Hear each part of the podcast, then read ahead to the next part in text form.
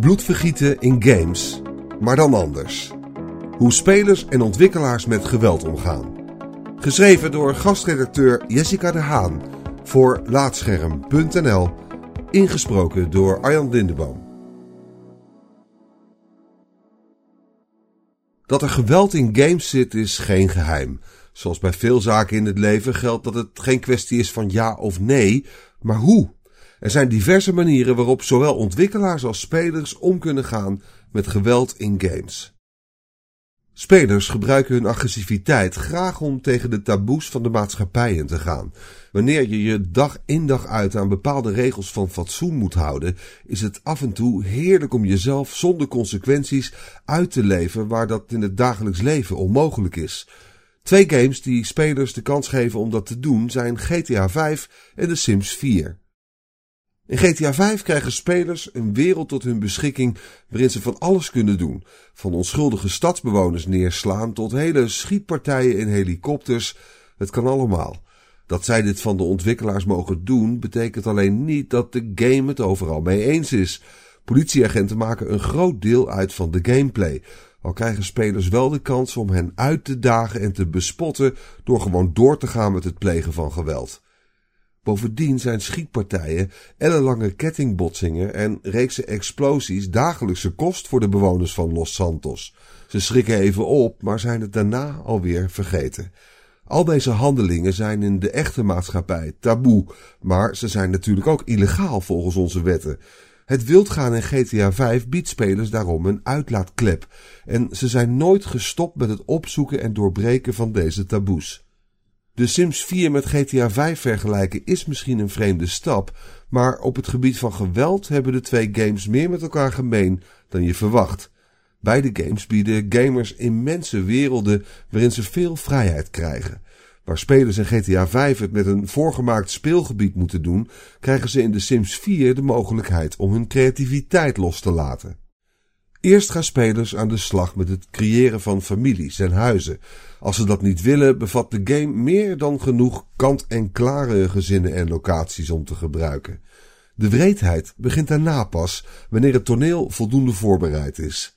In GTA 5 zijn spelers direct verantwoordelijk voor de catastrofes die zij veroorzaken, maar in The Sims 4 zijn het een soort goddelijke figuren die alles van bovenaf bepalen. Die beslissingen eindigen vaak in de dood van een aantal Sims. Op deze manier kunnen spelers ook in de Sims 4 tegen taboes en in mindere mate officiële instanties ingaan. Wanneer Sims hun kinderen bijvoorbeeld niet goed verzorgen, komt jeugdzorg op bezoek om de kinderen mee te nemen. Sommige spelers gaan in zulke gevallen de uitdaging aan om deze ambtenaren tegen te houden. Meestal is het zo dat spelers simpelweg hun Sims vermoorden door ervoor te zorgen dat ze zichzelf in de fik steken of door ze te laten verdrinken. Wat de Sims zo interessant maakt, is het feit dat deze games nooit gemaakt zijn met de intentie om zulke uitlaatklippen te bieden. Aangezien mensen zelf op zoek gaan naar methodes om zich uit te leven, geeft dit weer hoe mensen vaak de behoefte hebben om grenzen en uiteindelijk ook taboes op te zoeken. En zij verwachten niet dat een vrolijke game die nog steeds geassocieerd wordt met meisjes en kinderen zulk gewelddadig speelgedrag toelaat. Daarbij even achterwege latend dat er ook een heleboel volwassenen en jongens zijn die de game spelen. Maar waar een wil is, is zoals altijd een weg. Met name in The Sims 4 moeten spelers creatief zijn om geweld uit te oefenen in de virtuele wereld. Het kan verrassend moeilijk zijn om je Sims te doden, tenzij je uren bezig bent geweest met het maken van de perfecte Sim natuurlijk. De game is vergeeflijk wanneer het gaat om de ongelukjes die plaatsvinden. Je kunt je Sims bijvoorbeeld moeilijk per ongeluk laten verhongeren, omdat ze een eigen wil hebben en dus eten zoeken als ze hongerig zijn. Elektrocutie doodt in de Sims 4 niet in één keer. En als het je lukt om iets in de fik te steken, dan gaan je Sims daar niet vrijwillig in staan. Spelers moeten hun huizen daarom zo inrichten dat de Sims geen keus hebben. Ook in GTA 5 gaan spelers op zoek naar manieren om hun destructiviteit te maximaliseren. Je kunt de inwoners van Los Santos slaan, schoppen, tegen ze aanspringen of aanrijden met een fiets en op al die dingen reageren ze weer anders. Het is soms even zoeken naar de reactie die je zoekt of juist niet verwacht. Voertuigen spelen ook een belangrijke rol. Van bussen tot vuilniswagens. Ze zitten allemaal in de game en ze zijn allemaal anders. Spelers steken veel tijd en energie in het aanwenden van de unieke kwaliteiten van de vele auto's. Vrachtwagens zijn bijna niet tegen te houden en vormen daarom een ideaal middel om op een drukke straat de auto's opzij te beuken. Sportauto's lanceren je dan weer uit de voorruit als je maar hard genoeg ergens tegenaan knalt. Als iets in de game zit, dan hebben spelers een manier gevonden om daar geweld mee te plegen. Het doorbreken van taboes en het in-game experimenteren met geweld ligt voornamelijk bij spelers, maar ontwikkelaars kunnen zelf ook een handje of voetje helpen. Ragdoll physics zijn hier een mooi voorbeeld van. De animatietechniek is ontwikkeld om lichamen realistisch te laten reageren wanneer ze op wat voor manier dan ook geraakt worden. Die reactie vindt plaats omdat de virtuele personages gewrichten bevatten die dynamische bewegingen toelaten. De ragdoll physics zorgen ervoor dat lichamen meebewegen met de omgeving. In GTA 5 worden de ragdoll physics nog redelijk realistisch ingezet. Zo is het vaak afhankelijk van het momentum van een bewegend object, je auto, hoe snel of langzaam het doelwit, de voetgangers, door de lucht vliegen wanneer je ze aanrijdt. Op zich getuigt met hoge snelheid over de stoep rijden al van de potentiële agressie die in de game schuilt. De toevoeging van de ragdoll physics trivialiseert dit ook nog eens door een vrij serieus fenomeen als een verkeersongeluk te veranderen in een hilarisch spektakel. Dit is een van de manieren waarop ontwikkelaars in games met geweld om kunnen gaan. Gebruik maken van ragdoll physics is een bewuste keuze die voorspelbare reacties uitlokt bij spelers. Veel spelers gaan in GTA 5 dan ook op zoek naar de fysieke confrontaties die deze ragdoll physics mogelijk maken. De ragdoll physics zijn het effect dat spelers graag teweeg willen brengen. Of dit nu is door mensen in hun gezicht te slaan of door zelf van een berg af te springen en toe te kijken hoe het personage naar beneden rolt. Ontwikkelaars kunnen ook zelf de grenzen van geweld of andere maatschappelijke taboes opzoeken. Rockstar Games doet dat al sinds het begin van de GTA-reeks, maar toen GTA 3 daar redelijk realistische beelden en een driedimensionale spelwereld aan toevoegde, was dat voor sommige mensen een brug te ver wat betreft het verheerlijken van geweld. Toch is geweld niet het enige waar GTA om draait. De maatschappij werpt bijna constant een kritische blik op de franchise, maar de games kijken net zo hard terug, al gaat het vaak weer hand in hand met een hoop geweld. Op een gegeven moment moeten de hoofdpersonen van GTA 5 de in-game versie van de FBI, de FIB, helpen bij het martelen van een Azerbeidzjan.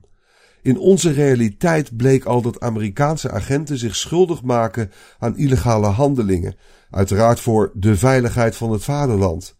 Rockstar lijkt daar via sarcasme commentaar op te leveren, aangezien FIB-agent Steve tijdens de missie opmerkt dat informatie niet te vertrouwen is tenzij het onder dwang is verzameld. De missie wist zelfs doorgewinterde GTA-spelers af te schrikken toen ze iemand standen moesten trekken en een onschuldige man moesten waterboarden. Bovendien is de missie niet over te slaan en moet je de bijbehorende opdrachten dus wel uitvoeren als je de game wilt uitspelen. Het is onwaarschijnlijk dat de ontwikkelaar daarmee geen boodschap wilde overbrengen, ook al was het met behulp van geweld. Ook de ontwikkelaars van The Sims 4 gaan op zoek naar grenzen, al liggen die ergens anders dan bij GTA 5. Bij alles wat de ontwikkelaars doen, moeten ze ervoor waken dat het geweld nooit te serieus wordt. Toch kunnen zij binnen deze grenzen gewelddadige uitlaatkleppen bieden aan spelers, zonder dat het de overhand krijgt. Zo voegde het emotiesysteem nieuwe manieren toe waarop Sims kunnen overlijden, zoals een overdaad aan woede of verdriet. Zo'n dood vergt veel vindingrijkheid en uithoudingsvermogen. Spelers moeten dus experimenteren om hun sinistere plannen te realiseren. Op deze manier veranderen ontwikkelaars de gameervaring voor alle spelers, maar ontstaan er ook nieuwe mogelijkheden voor geweld die een specifieke groep zelf kan gaan ontdekken. Zo definiëren zowel ontwikkelaars als spelers hun eigen stijl wanneer het op geweld in games aankomt. De effecten van dit virtuele geweld worden vaak onderzocht en er bestaat nog geen consensus, maar ondertussen ontdekken beide partijen hun eigen manier om ermee om te gaan. Daarvoor moet je alleen iets verder kijken dan het geweld zelf.